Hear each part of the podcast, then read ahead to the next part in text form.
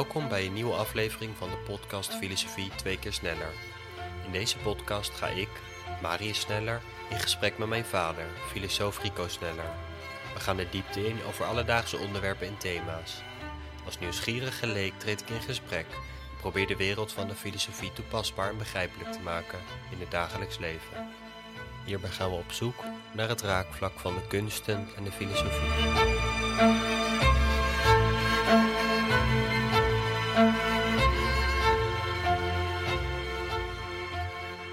Nou, hoi pa. Hallo, Marius. Hallo. Ehm, nou, ik wilde weer een nieuwe podcast met je opnemen en ik ben nu bezig met een project bij de psychiatrie en dat gaat deels over zingeving. Vind ik zelf een interessant onderwerp om het eens over te hebben. Ik wilde eigenlijk als beginvraag stellen wat voor jou zingeving betekent. Het woord uh, zingeving uh, suggereert dat je iets kunt geven, terwijl uh, volgens mij zin iets is wat ontvangen wordt. En het is ook denk ik een woord wat heel erg in onze tijd uh, past.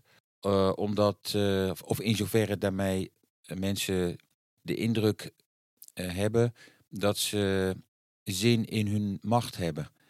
En ik denk dat dat niet zo is. Ik zou zelf eerder denken in termen van het ontvangen van zin. En ik zou ook denken dat iedereen die spreekt over zingeving eigenlijk um, al iets kwijt is geraakt. En uh, dat is niet dat ik naar anderen wil uh, wijzen die iets zouden zijn kwijtgeraakt en ik niet. Want ik denk dat dit een collectief uh, proces is. Dat in onze wereld heel veel mensen eigenlijk niet echt een contact, een echt contact hebben met hun omgeving, met andere mensen. En in zo'n situatie komt de vraag op naar zingeving hoe kan ik alsnog, hè, dat woordje alsnog moet je dan toevoegen, hoe kan ik alsnog zin geven aan uh, eigenlijk mijn lege of leeggebloede leven. Mm -hmm. Dus jij zegt dat op het moment dat zingeving aan de orde komt, is er dus al een gebrek aan zin? Denk ik wel, ja. Dus iedereen die, die spreekt over zingeving, die uh, is misschien ook krampachtig op zoek naar iets waarmee hij of zij ooit, denk ik, een band heeft gehad. En uh, waarmee men de band kwijt is geraakt. Mm -hmm. dus, uh, dus de vraag naar zin komt op als mensen al zich geïsoleerd hebben uit een uh, bepaald voorgegeven verband. En zin is dus ook eigenlijk iets wat niet los, volgens mij, niet los verkrijgbaar is. En wat je ook niet kunt isoleren en ook niet kunt manipuleren en ook niet kunt geven maar iets wat je alleen maar kunt ontvangen. En dan voeg ik er aan toe, zo überhaupt al. Want uh, het is geen automatisme dat je zin ontvangt. -hmm. En je zegt dan van, op het moment dat je bezig bent met zin geven, dan, dan ben je dus eigenlijk op zoek naar iets wat ja, eigenlijk moeilijk is, omdat het meer iets is wat je zou moeten ontvangen. Um, en hoe zit het dan, denk je, bij mensen die misschien niet zelf op zoek zijn naar zin, dus niet zelf zouden zeggen van ik ben, ik, ervaar een gebrek aan zin, maar waar meer het symptoom is wat, andere mensen wel zouden aanduiden als een gebrek aan zin? Nou, je hebt natuurlijk heel veel verschillende soorten mensen. En, en je hebt mensen die zoeken naar niks. Of die denken dat ze naar niks zoeken, omdat ze tevreden zijn. Nou ja, als iemand tevreden is, eh, prima. En uh, ik, het is moeilijk om over mensen te spreken die ik nu puur als categorie in mijn uh, fantasie oproep. Ik heb dus de neiging om dan ook al argwanend te zijn bij deze mensen. Misschien ook ten onrechte hoor. Maar ik, ik, ik zou ook niet willen uitsluiten dat een hoop mensen eigenlijk uh, ogenschijnlijk tevreden zijn. Omdat ze bepaalde vragen afgewend zijn te stellen of nooit hebben leren stellen. Of omdat ze ontmoedigd zijn. Of omdat ze er niet verder mee komen. En uh, ja, daar maar, daarmee zich maar hebben overgegeven aan uh, de situatie waarin ze zitten. En, en dat noemen ze dan uh, zin of zinvol. Maar je zegt dus, het kan dat het misschien vragen zijn die mensen afgewend hebben te stellen. Dus misschien eerder wel stellen of daarna niet meer of nooit hebben leren stellen. Dus in zekere zin is die zoektocht naar zin. Zit dus ook een, een, een actieve component in, iets wat je zelf in zekere zin zou moeten doen. Nou ja, uh, kijk, men, ik... misschien niet zin en niet om zin te vinden, maar wel om antwoorden te vinden op die grotere vragen die zin kunnen geven aan een leven. Nou, ik denk dat op zich uh, zoeken naar zin als activiteit is waardevol. Alleen eh, ja, zin is niet los verkrijgbaar. Het is niet één los ding of zo. Hè. Dus eh, het zoeken, naar zin is, lijkt me op zich heel waardevol. Alleen het zou kunnen dat je halverwege ontdekt dat je naar het verkeerde zoekt. Doordat je naar zin zoekt. Al, als zou dat iets los verkrijgbaar zijn. Eigenlijk hetzelfde met uh, het probleem speelt ook bij het woord genieten of genot. Dus het hedonisme, uh, in de oudheid komt dat op. Filosofen die zeggen dat genot het hoogste goed is. En dat dat eigenlijk het handelen legitimeert, dat daar naar heen op weg is. En dan zegt Aristoteles, genot bestaat niet los van datgene waarvan ik geniet. Dus je kunt het genot niet isoleren van de activiteiten waar het mee verbonden is. Of dat nu sportactiviteit is of uh, iets lichamelijks of geestelijks. Uh, genot is niet een losse categorie, het is een epifenomeen. Misschien dat zin ook zoiets is, een epifenomeen. Dus iets wat zich kan voordoen in het leven als uh, ik, um, als het leven voor mij transparant kan worden. Uh, dus ik zou, Hoe bedoel je dat? Nou, ik zou dus denken dat zin te maken heeft met de transparantie van de dingen waar ik mee bezig ben. D dat de dingen die ik doe, of waar, uh, ja, waar ik me voor inspan, dat die transparant worden en dat die doorzicht geven op, uh, ja, op iets anders of op meer of op patronen. Uh, die ontstaan. Een heel mooi beeld vind ik altijd, misschien kun je herinneren dat als je bijvoorbeeld bij een bezoekerscentrum in uh, de bergen of zo bent, of in een natuurgebied, dan staat er vaak, soms staat er dan zo'n soort tafel met een glasplaat erop. En daar zie je onder een maquette van het landschap. En dan als je dan op een knopje drukt, dan zie je een bepaald patroon rode lampjes of gele lampjes of groene lampjes. En die markeren dan uh, een bepaalde wandeling die je daar kunt maken of, of iets anders. Zoiets. Terwijl als je het niet op een knopje duwt, dan zie je niks. Mm -hmm. Dus ja. dat vind ik een beeld wat ik wel vaak behulpzaam vind. Dat, uh, dat een bepaald patroon uh, zichtbaar kan worden in je leven, in activiteiten die je doet. En dat die zeg maar, knopen leggen of verbindingen leggen tussen een aantal activiteiten uit je heden en je verleden. En daar een, een doorlopende lijn in uh, aan lijken te brengen.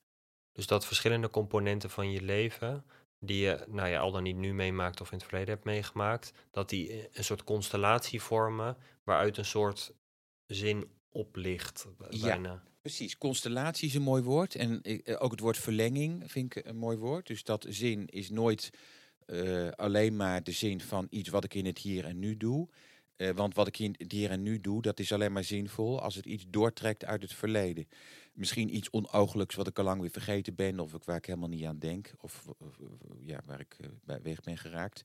Uh, maar wat dus, dus zin heeft voor mij ook te maken met een doorbraak. Een doorbraak van een impasse of van een gebrek aan uitzicht. En een doorbraak die vanuit het verleden als het ware tot stand komt.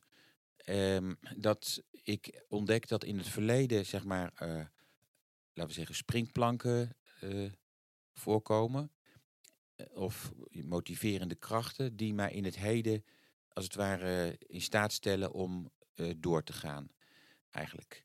En dus, dus, in die termen zou ik over zin willen denken. Ik merk en passant op, vind ik ook mooi, dat het woord uh, Hebreeër, dus dat was de oudste aanduiding voor Joden, Hebreeën, dat komt van het uh, Hebreeuwse werkwoord avar en dat betekent doortrekken. Je hebt natuurlijk het verhaal van de doortocht door de Rode Zee, maar, en de doortocht over de Jordaan, de doortocht door de woestijn. Dat zijn allemaal even zoveel impasses. En ik, ik zelf persoonlijk denk ook dat de ervaring van het Joodse volk een door, doortochtservaring is, door impasses heen. En, het, en daarmee ook een ervaring van het ontdekken van, van zin eh, vanuit het verleden. En eh, dus ja, dat. Dus er zit een duidelijke ver, verbinding met het verleden. Ja. Het is niet iets wat in het nu. Het is, vindt plaats in het licht van dingen in het verleden, waardoor nu bepaalde dingen zin hebben.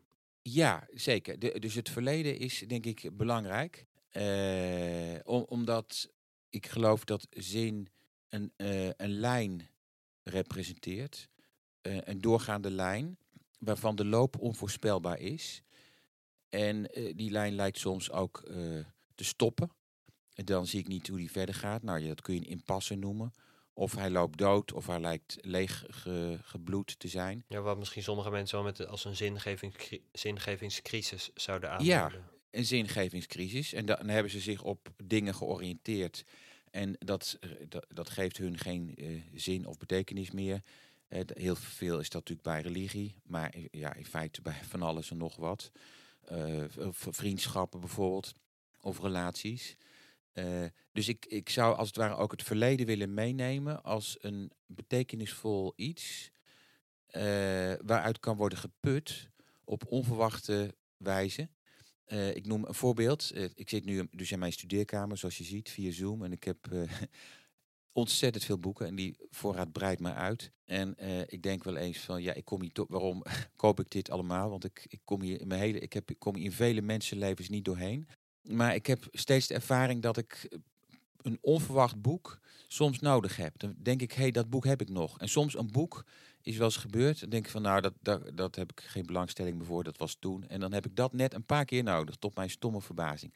En eh, dat gebruik ik dan maar als argument om al die boeken te hebben en te bewaren. Dus dan heb ik het maar. En dan kan ik daar tenminste nog iets uit pakken. Dus ik denk ook, als ik dit weer toepas op mensen, mensenlevens, dat het eh, goed is om een breed referentiekader te hebben.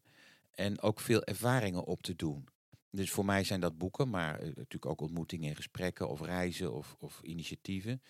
Eh, want het zou zomaar kunnen dat daar iets tussen zit dat veelbelovend is en dat je eh, ja, een- doorstart mogelijk kan maken in het, in het heden.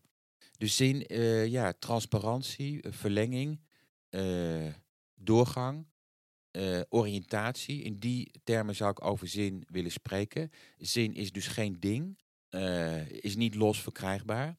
Eh, het woord zin, ja, in het Nederlands is het een homoniem, dus je kunt het ook gebruiken om te verwijzen naar een volzin, frase in het Frans. Maar een synoniem is eerder betekenis, zin of betekenis. En betekenis is ook niet los verkrijgbaar. Het is altijd de betekenis van iets. Dus het is de zin van iets. Van wat? Nou, van wat mij nu overkomt. Of van het leven dat ik nu leid. En eh, dus daar moet zin zich altijd toe verhouden, denk ik. Dus zin is een soort begeleidend, begeleidend fenomeen, epifenomeen noemde jij het. Ja. Epifenomeen, ja. En dat, dat kan dan, eh, ja, dus eh, dat ik ontdek dat er bepaalde elementen uit het verleden beloftevol zijn of een, een, dieptedimensie bevatten waar ik niet aan gedacht heb.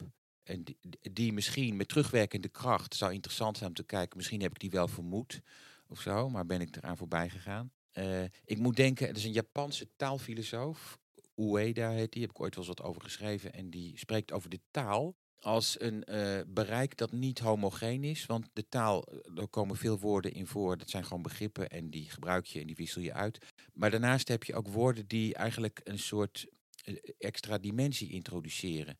En dan verwijst hij naar religieuze begrippen of poëtische begrippen of koans uit het zen-boeddhisme.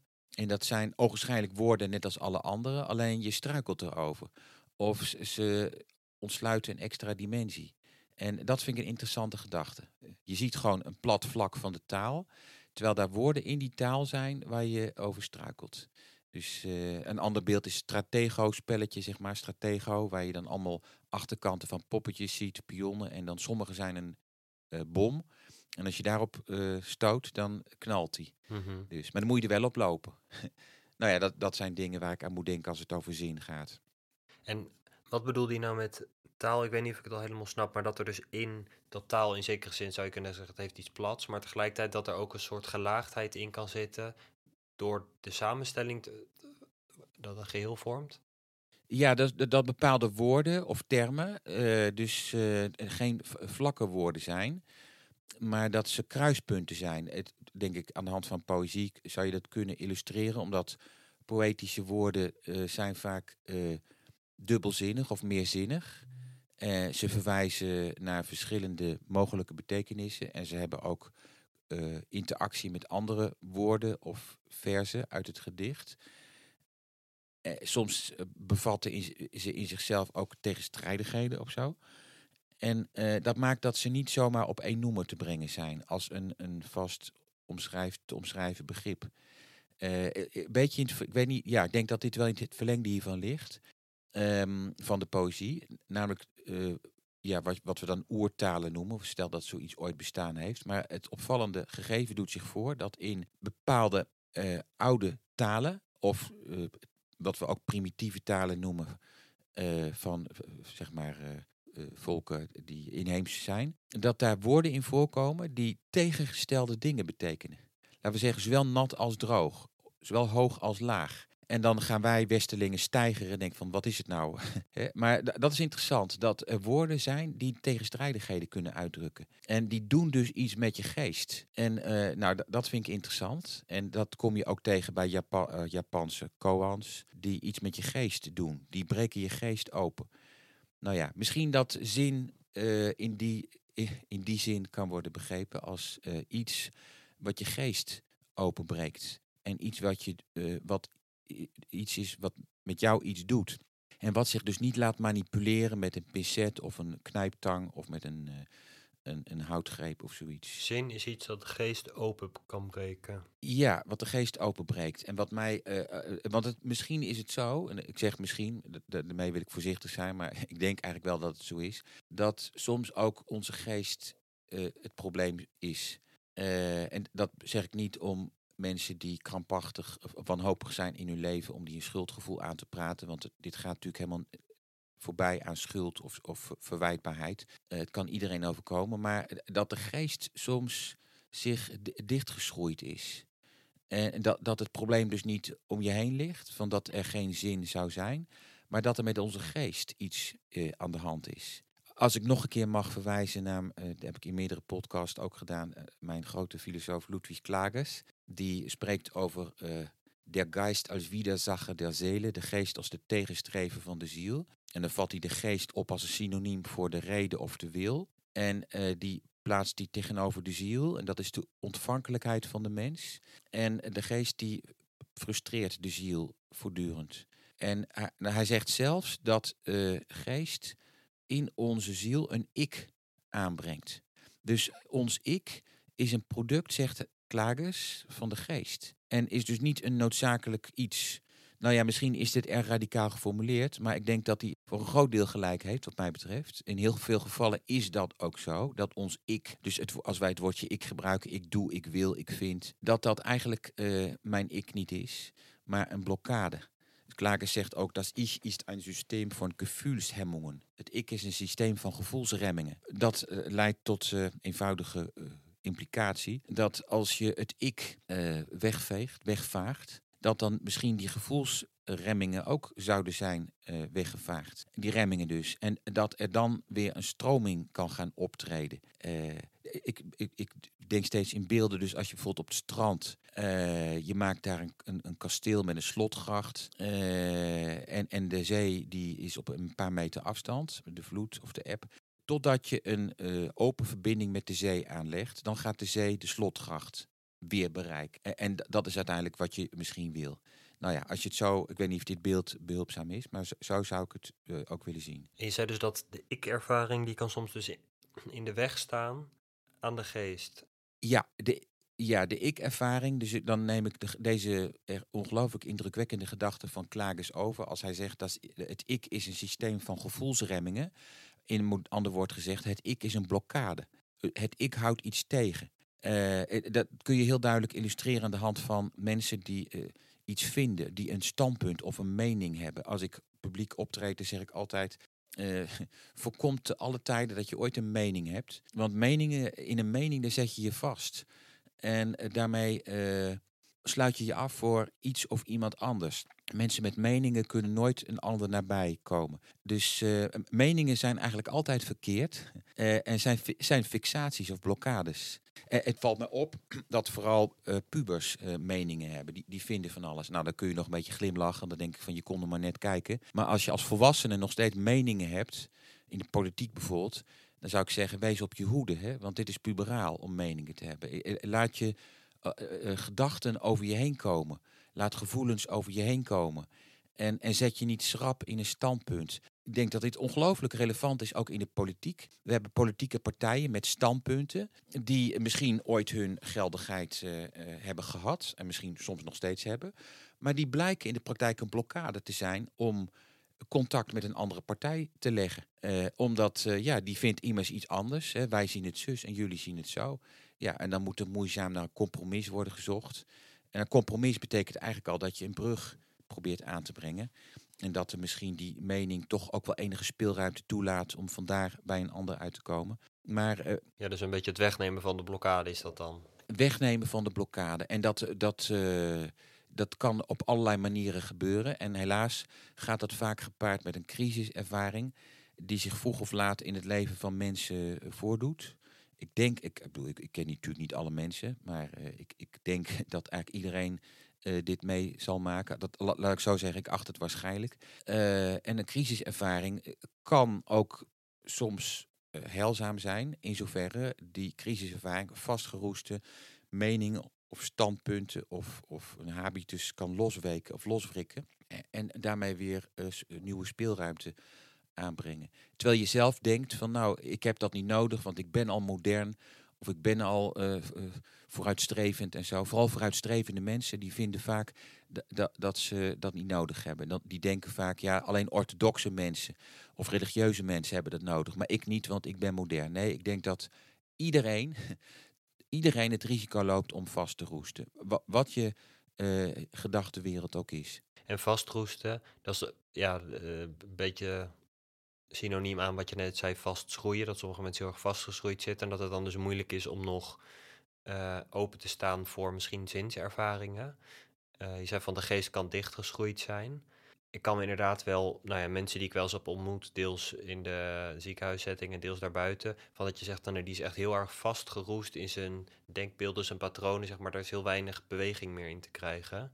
En dat kan de psychiatrie soms bijvoorbeeld ook wel, of misschien de omgeving van mensen, voor uitdagingen stellen. Van hoe gaan we dan om met deze persoon? Hoe zorg je dat daar weer beweging in komt? Heb je daar dan ook ideeën over? Nou, het begint ermee dat de psychiaters en de behandelend artsen zelf die ontvankelijkheid weer innemen. Want het zou wel eens kunnen zijn dat hun eigen vastgeroestheid zich, eh, dat die overslaat op hun cliënten. Eh, ik, ik denk niet dat er een beroepsgroep is die eh, vrijgepleit kan worden van vastgeroestheid. Dat je een ander alleen maar tot beweging kunt brengen als je die zelf ook laat zien. Ik las bij Erich Neumann, dat is een Jungiaans psycholoog, gestorven in 1960 in Israël. En die zegt dat, ehm, die verwijst naar kunstenaars. En kunstenaars die eh, ga- ondergaan een interessant eh, psychisch proces. Zij proberen als het ware de openheid die kinderen vaak als kind hebben, eh, proberen ze vast te houden, onbewust. En daarmee eh, zijn ze onderhevig aan de inwerking van wat hij dan archetypen noemt. En eh, eh, dat, dat is nu even een ander probleem, maar eh, de, de inwerking van buiten, zeg maar. En die inwerking die is groter dan de ogenblikkelijke dingwereld lijkt te rechtvaardigen. Dingen maken indruk op de open kunstenaar, net zoals ze dat doen bij de, het kleine kind. En kijk, een kunstenaar is op een gegeven moment volwassen en moet wel eh, beschermingen inbouwen. Maar die open houding eh, van kunstenaars eh, zou wel eens heel erg eh, leerzaam kunnen zijn voor iedereen. Eh, de geestelijke leidslieden in de eerste plaats, eh beroepsbeoefenaars in de tweede plaats, of ook in de eerste plaats. Eh, want die eh, neigen ertoe om wat ze hebben geleerd en ervaren in hun leven, om op een gegeven moment zich daarop te kunnen laten voorstaan. Dit weet ik al, dit heb ik al gezien. Dus ja, dat moet ook weer los worden gewrikt. En ja, misschien dus dat de open blik van een kunstenaar daarin voorbeeldfunctie kan vervullen. Mhm. Ik vind het grappig wat je zegt over dat ook de psychiater dat soms moet. Ik was eh, toevallig vandaag weer een stukje in het lezen in een boek. Het heet Wie is van Hout. En dat is geschreven door Jan Voudren. Ik weet niet of je die naam kent, maar dat is Ja. een, een grote antipsychiater. Ehm, en die was toen volgens mij in Amerika bij een kliniek waar allemaal nou, patiënten die echt volledig daar al zeg maar minimaal 20 jaar opgenomen waren, die gewoon daar nooit meer weg zouden komen. En dat is een soort nieuwe manier van aanpak. In plaats van steeds met ze in psychoanalyse blijven gaan, ging hij proberen met één patiënt te zorgen dat hij iedere ochtend zijn bed ging opmaken. Nou, het heeft drie maanden gekost voordat die patiënt zelf in staat was om zijn bed op te maken. Maar dat zo'n verandering, dus dat de, psychiater gewoon iets volkomen anders gaat doen met een eh, patiënt en niet bezig blijft met zijn standaard psychoanalytische eh, aanpak, dat dat juist weer een hele, heleboel los kon maken bij die patiënt. Daar moest ik even aan denken toen je zei van, oh, die psychiater moet soms zelf ook uit zijn patronen komen. Ja, zeker. Da- da- en dat is de kunst. Eh, eh, ik- je hebt diverse antipsychiaters gehad. uh, L-A-I-N-G. En uh, laatst las ik Victor Sas, S-Z-A of S-A-S-Z, zoiets. Heet hij niet Thomas zelfs? To Thomas, to sorry, Thomas, Thomas Sas. Ja, ja, Thomas ja. Sas. Ja, Thomas ja. ja, oh, interessant. Kijk, natuurlijk, niemand is zaligmakend, dus die ook niet. Maar uh, laten ze voor een deel uh, gelijk hebben. Ja. En ik denk dat het, uh, en daar weet jij meer van dan ik, maar ik denk dat in een aantal gevallen behandeling uh, tegen strijder, of te, uh, noem je dat? Uh, tegengesteld effect heeft gehad. Ja. En of psychoanalyse is misschien niet de, de boosdoener zozeer, misschien soms ook, nee. maar vooral ook medicatietoediening.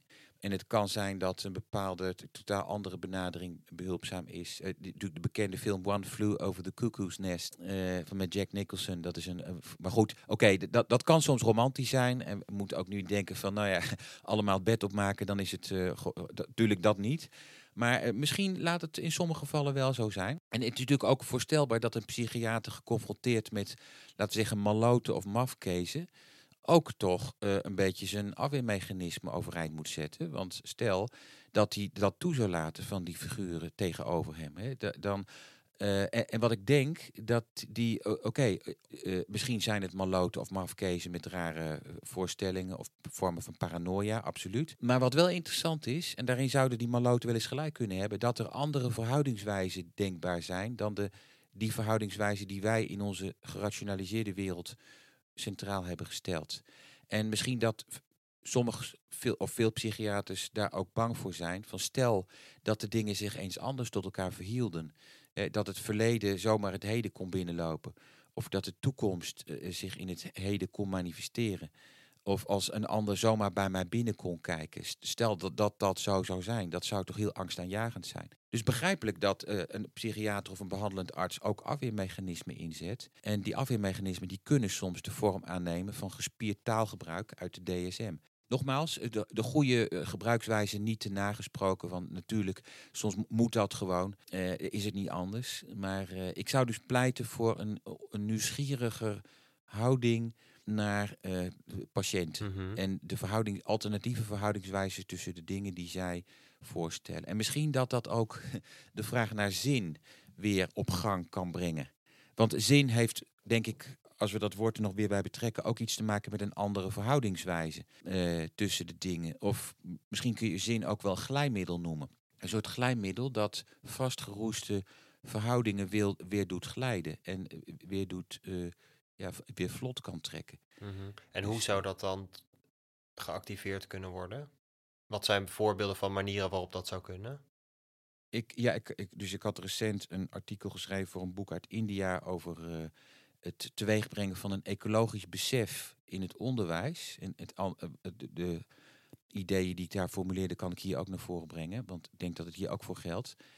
Uh, ik, ik had dus hoe, hoe dat andere besef teweeg kan worden gebracht. In de eerste plaats een revaluatie, dus een re-evaluatie van geestelijke crises van mensen. Dat we die niet zien als uh, een mindering op iemands psychische gezondheid, maar als juist een veelbelovende wending. Dus dat we een geestelijke crisis als iets vernieuwends en verrijkends zien. Ook al gaat ze gepaard met verdriet en lijden bij mensen. Dat, dat wil ik niks aan afdoen. In tweede plaats herwaardering van poëzie. Uh, want poëzie is nu uh, uitermate marginaal. Uh, ik kijk maar naar boekwinkels. Hè, en, met een beetje geluk heb je een klein plankje poëzie. En voert erg ver van voor veel mensen. Het is alleen voor liefhebbers. Maar ja, poëzie is ook ontregelend, hè, is, is ontgrenzend. kan je begripsgebruik opnieuw eiken en vormgeven. En kan je gevoeligheid voor taal stimuleren. En een derde voorstel dat ik zou hebben is uh, culturele antropologie. Dus uh, kennis maken met uh, andere volkeren en culturen, al dan niet door reizen. Of doordat je je blootstelt aan oneindige vertes. misschien dat laatste eigenlijk nog meer, want het is niet iedereen gegeven om naar verre landen en vreemde volken af te reizen. Maar wat wel mogelijk is, is je blootstellen aan vertes. wijdse horizon, zoiets. Uh, en dan niet alleen uh, vluchtig uit je autoraampje kijken en dat gauw weer dichtdraaien in een huis knarren. Maar dat je die verte op je laat inwerken. En ik denk dat trouwens dat het ook soms genezend kan zijn voor mensen die lijden aan psychisch leed. dat de inwerking van de verte op je psyche, eh, of dat nu, nu de zee is, of een polderlandschap, of misschien een hoge bergtop, eh, ja, dat je dat ook kan ontsluiten. Kan ook zijn dat je dan een klein stipje voelt in een groter uh, gebeuren. maar ja, van de weeromstuit is het misschien zo dat mensen zich tot dusver blind staarden op zichzelf. En zichzelf als het middelpunt van de hele wereld zagen. En ja, dat zijn we gewoon niet. Dus dan, dan kan het zijn dat de verte genezend is. Ludwig Klages noemt dat ferne empfänglichkeit. Hij zegt de, ziel, of de mens als ziel, heeft een verte ontvankelijkheid. Dat vind ik een van de mooiste begrippen die ik ken. En nou ja, zo probeer ik dat uh, invoelbaar te maken. Verte ontvankelijkheid. Ja, en da dan kan het zijn dat, dat zegt trouwens zelfs iemand als Kant, Immanuel Kant, die trekt een vergelijking tussen de oneindige uh, wijdte van het uitspansel boven ons die ons uh, besef van kleinheid uh, geeft. Aan de andere kant de oneindige, onpeilbare diepte van de zedewet in ons, zegt hij. En dat verheft ons volgens Kant nu juist boven de natuur. Dus, uh, maar wat ik interessant vind, is dat hij het uitspansel, dus de wijsheid van de natuur, dat hij die gereflecteerd ziet in het morele besef dat mensen hebben. En nu, oké, Kant is ook niet zaligmakend, maar dit idee van Kant dat latere denkers hebben nagevolgd, uh, spreekt me erg aan. Dus het innerlijk van de mens is iets wat, uh, ja, wat veelbelovend is. En waar je ook nooit op de bodem uitkomt. Maar dat moet wel worden geactiveerd, denk ik. Um, ik wil nog even terug naar iets waar je het eerder over had, bijna aan het begin van de opname. Toen had je het over dat iets wat in deze huidige tijd uh, de mensen van deze tijd ook best wel een probleem kan zijn, de, de crisis van, van rondom zin. Um, en ik vroeg me af wat je denkt dat de rol van zingeving of betekenisgeving in de huidige maatschappij, die best wel gericht is op versnelling en haast en veel dingen voor elkaar krijgen, wat de rol van betekenisgeving daarin is. Dan zou ik liever het woord betekenis gebruiken dan betekenisgeving. Maar uh, ja, de, versnelling uh, mensen moeten eerst tot stilstand komen. Als je in een rijdende auto, uh, ik, ik, denk nu aan, uh, hoe heet dat, McDrive. dat je langs de McDonald's gaat en je laat het je, je laten we zeggen, de zin op een dienblaadje door je auto uitschuiven en dan rij je weer verder. De Big Mac zo naar binnen. Ja, ja precies. Dus dat, als je het zo ziet, of zoals sommige managers dan hun medewerkers op een, een yoga weekend sturen om ze daarna enthousiast weer aan het arbeidsproces te laten deelnemen. Ik denk dat dat niet de oplossing is. Dat moet er meer gebeuren. En dat kan soms ook uh, kan een prijskaartje aanhangen. Hè, dat kan zijn dat je denkt, ja, mijn leven zit gewoon niet goed in elkaar zo. Of mijn werk zit niet goed in elkaar. Of ik ben bezig met geld verdienen. Uh, maar ja, wat, wat, wat win ik daarmee eigenlijk? Wat win ik daarmee? En het zou kunnen zijn, ik probeer het dus voorzichtig te formuleren, want mensen kunnen het altijd zelf weer anders beleven. Maar het zou kunnen zijn dat mensen die in dezelfde tijd uh, werken met anderen, met kinderen bijvoorbeeld, of met zieken of gehandicapten, dat die uh, wel iets opdoen aan zin of betekenis. Dat hun uh, succesvolle landgenoten, waar die niks van merken. Hè, om, omdat die als het ware de zin als toegift willen krijgen, hè, als een soort bonus. Uh, bonus op hun eh, salaris. Maar zin is geen bonus op je salaris. Mm -hmm. uh, het is misschien wel iets wat dat hele salaris uh, doorkruist of wegvaagt. En dat je misschien ook in een, eerst in een situatie van hulpeloosheid wil aantreffen. Ja, dat, dat, is dus een hard, dat kan een hard gelach zijn voor mensen. en heel erg moeilijk zijn. Mm -hmm. maar ik, ik denk dat wel dat de bodem van het bestaan uh, hoe bitter die ook kan zijn voor mensen, dat, dat, dat die wel een gelegenheid biedt om zin te ontdekken.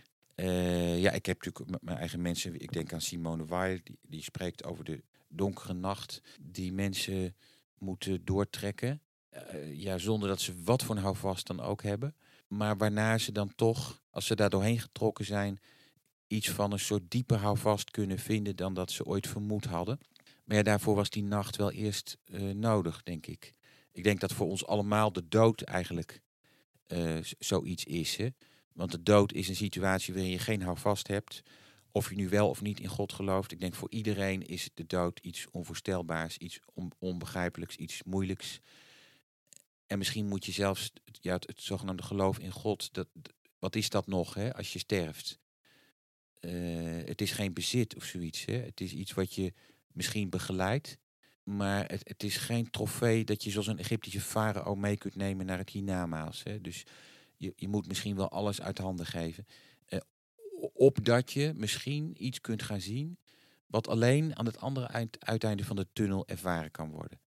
Ja, en uh, ik, ik denk nu ook aan een heel indrukwekkende uitspraak die eigenlijk ook onverteerbaar is, die uh, uit de Joodse traditie komt, ik geloof ook uit de mystiek.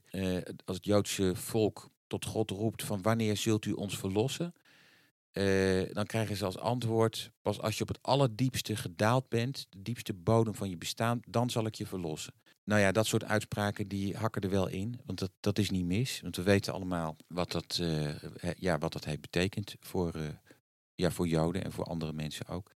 Nou ja, en dit zijn natuurlijk niet uitspraken die je als een soort geloofsbelijdenis met je mee kunt nemen, want er valt hier niks te beleiden. Dit is iets wat je, waar je op hoopt of waar je aan kunt vastklampen, zeg maar, zonder dat, dat je erover beschikt.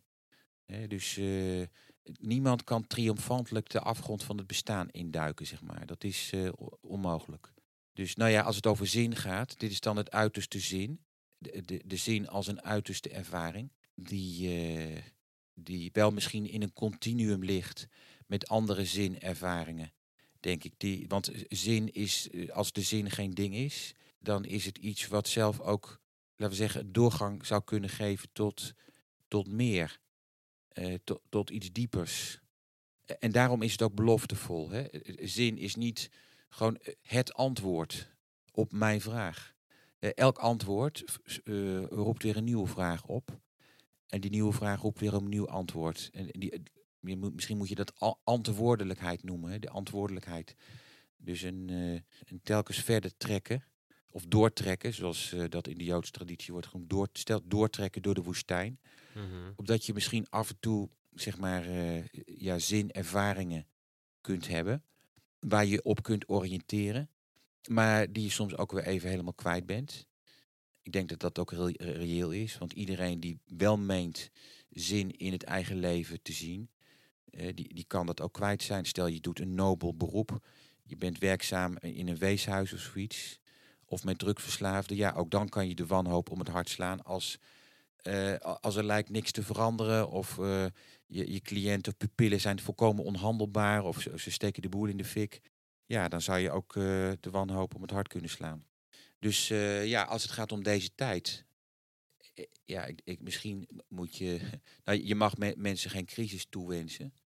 of misschien mag dat ook wel, wie zal het zeggen. Kijk, ik heb dat toch niet in de hand. En, en, uh, en een crisis die, die voltrekt zich. Maar het zou kunnen dat in sommige gevallen dat toch ook wel weer de, e het enige is wat uitzicht op zin kan bieden. Ja, en, en, en het mooie is dat, kijk, lang niet iedereen die, die vindt zin in heilige boeken, of die zijn dan te oud, maar ook gewoon romans. Uh, gaan toch ook vaak over mensen die uh, opnieuw iets vinden om uh, hun houvast aan te ontlenen. Zelfs Sartre, La Nausée, wat een vreselijk wanhopig boek is, daar, dat eindigt met een soort zinervaring van de hoofdpersoon. Of roman Herzog van Solbello. Dat zijn van die, die kweestes van enkelingen die, die dolen door het leven. Alles is ingestort. en hun relaties zijn kapot en hun werk en hun beroep. En nou ja, daardoorheen trekkend komen ze op een gegeven moment toch weer met een vorm van houvast. Uh, ja, dat ze niet hadden verwacht misschien, of dat heel anders is. Maar ik denk dat heel veel, nou niet alle, maar dat, dat er wel romans zijn die, die daarvan getuigen. Ondanks de auteurs, want die auteurs die, die, ja, die zijn dat niet van plan of zo, maar om dat, om dat te laten zien. Maar dat manifesteert zich soms. Maar ook een, een, een ervaring vanuit de crisis. Hè, dus dat er een, een nieuw houvast zich kan aandienen in een mensenleven. En dat met terugwerkende kracht het voorgaande leven reorganiseert. Dat betekent misschien ook dat feiten eh, niet bestaan. Kijk, feiten, dat zijn uh, fixaties uh, die door de toekomst ongedaan kunnen worden gemaakt. Kijk, de toekomst met terugwerkende kracht kan de feitelijkheid van het verleden weer in beweging brengen. Mm -hmm. En kan dingen die wij tot dusver belangrijk vonden onbelangrijk laten eh, blijken. Terwijl dingen die we onbelangrijk vonden, komen in één keer naar voren als heel erg belangrijk. Nou ja, misschien dat eh, ook sommige romans daarvan uh, gewacht maken. Misschien wel de meerderheid van de moderne literatuur, denk ik. Niet alle, nee, niet alle. dus Wellebeck of zo is dan een erg sombere figuur. Dat is wel vrij sombere literatuur, ja. Ja, daarom. Dus ik, ik ken natuurlijk, wat, wat weet ik er nu van, maar een aantal romans. Ja. ja. En maar toch ook de studie filosofie, als ik deze podcast ook mag gebruiken om, om toch ook de, de betekenis van de filosofie uh, voor het voetlicht te brengen. Kijk, de filosofie is natuurlijk niks. Dat, dat is geen ding of zo. Dat is een denktraditie die telkens ook weer vernieuwd wordt. En waarvan de betekenis volgens mij bij uitstek niet ligt in uh, het slijpen van uh, de geest, maar in het ontvouwen van de ziel. En het zou wel eens kunnen zijn dat veel meer denkers, ook westerse denkers, dan we uh, dachten met de ziel bezig waren. En daarom ook dus een, belofte herbergen. En dat er de, de logici uit de westerse denktraditie, dat die misschien eigenlijk een, een achterhoedegevecht voerden. Maar dat het uiteindelijk ook in de westerse filosofie, en niet alleen in de oosterse, maar dat het ook in de westerse traditie om zielservaringen gaat. Of de ontsluiting van de ziel, dat de ziel van de mens zich kan ontvouwen, net als een, een bloem die open gaat en dan uh, ja, gewaarwordingen kan opdoen of ervaringen kan krijgen. Uh, die natuurlijk, en dat is het leuke van, vind interessante van filosofie, allemaal weer verschillen van elkaar. Hè? Dus denkers verschillen van elkaar. En dat betekent niet dat die gelijk heeft en die dus niet, want die zegt het beter. Maar dat ze allemaal op verschillende manieren zich hebben gericht op ontluikende bloesems ja, dat, dat maakt dat ik met groot enthousiasme, ja, dus de, ook de, onze eigen westerse traditie blijf bestuderen. En dan soms ook in het licht van Oosterse denkers die dan, uh, waar ik dan kort kennis mee maak.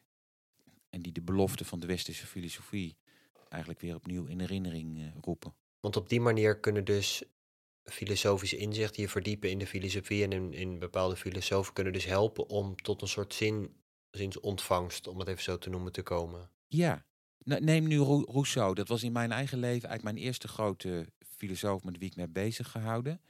Uh, wordt vaak gereduceerd tot zijn politieke filosofie, contrat sociaal, want dat is concreet, het gaat over politiek. En de Emile eventueel over de opvoeding. En er wordt gezegd, ja, het was een idealist. Maar wat misschien nog belangrijker is, dat is zijn thematisering van ja, van wat ik dan de ziel noem, of hij noemt dat het geweten. En dat noemt hij zelfs een goddelijk instinct.